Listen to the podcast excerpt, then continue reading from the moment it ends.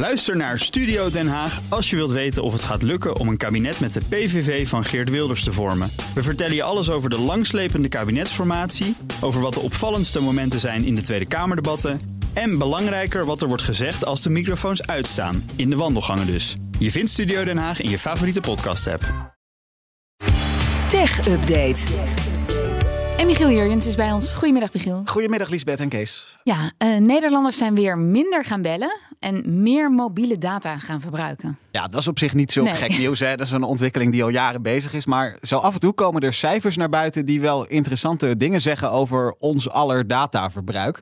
Zo ook vandaag in de Telecom Monitor van de Autoriteit Consument en Markt. Daarin lezen we dat eh, Nederlanders in het tweede kwartaal van dit jaar met z'n allen 403 miljoen gigabyte aan mobiele data hebben verbruikt. Ehm, en als je dan eh, een rekensommetje gaat doen, als je het deelt door bijna 18 miljoen Nederlanders, het is een beetje een flauw rekensommetje, maar dan zou je dus uitkomen op iets meer dan 20 gigabyte per persoon over drie maanden tijd. Baby's en hele erge ouderen uitgesloten. Precies, Ja. precies. Dus eigenlijk is het nog meer. En ja, die 403 miljoen is 15% meer dan het kwartaal hiervoor. En dat toont wel aan hoe snel ook die toename in dat dataverbruik is en door blijft gaan. Het is niet een paar procenten over een kwartaal. Het is echt in één keer 15%. Ja.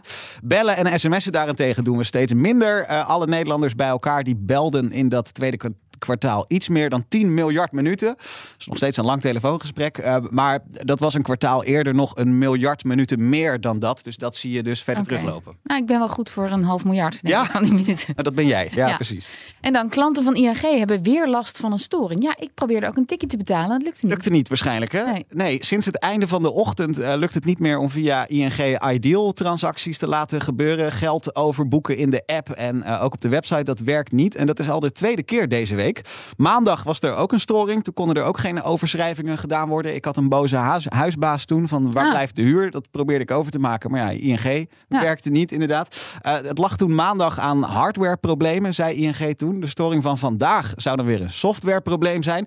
Het lijkt dus wel echt toeval dat het nu twee keer gebeurt in drie dagen. Maar ja, het is wel heel onhandig en het gaat wel vaak Mm. Is het mis. nu voorbij trouwens? Eh, de laatste keer dat ik checkte, zag ik de webcare-afdeling nog steeds naar iedereen antwoorden van we werken hard aan een oplossing en hou het in de gaten. Dus. Oké, nee, wacht nee, op het tikkie dus. steeds kapot.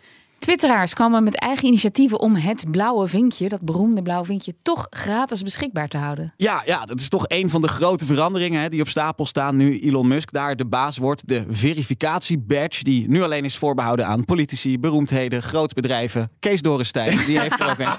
Eh, dat vinkje, ja, het komt er voor iedereen die daar per maand ja, 8 dollar voor wil betalen. Kees, wil je er 8 dollar voor betalen? Voor je Zeker blauwe vinkje? niet. Nee, eh, iedereen kan me nog steeds op Kees van de Radio volgen. Ook zonder blauw vinkje. Ja, Sorry, nou, Kees raakt zijn vinkje dus kwijt. Er is veel kritiek op eh, eh, van veel twitteraars met zo'n badge. Niet op mijn vinkje, hè, maar over het. Over die maatregel. En Musk die gaat daar niet voor buigen, daar lijkt het niet op. En dus eh, zie je nu wat eigen initiatieven ontstaan om dat te omzeilen. Eén daarvan, dat is de website verified.tw, tw van Twitter. Dus opgezet door Inti de Keukelaren. Dat is een van de bekendste ethische hackers van België.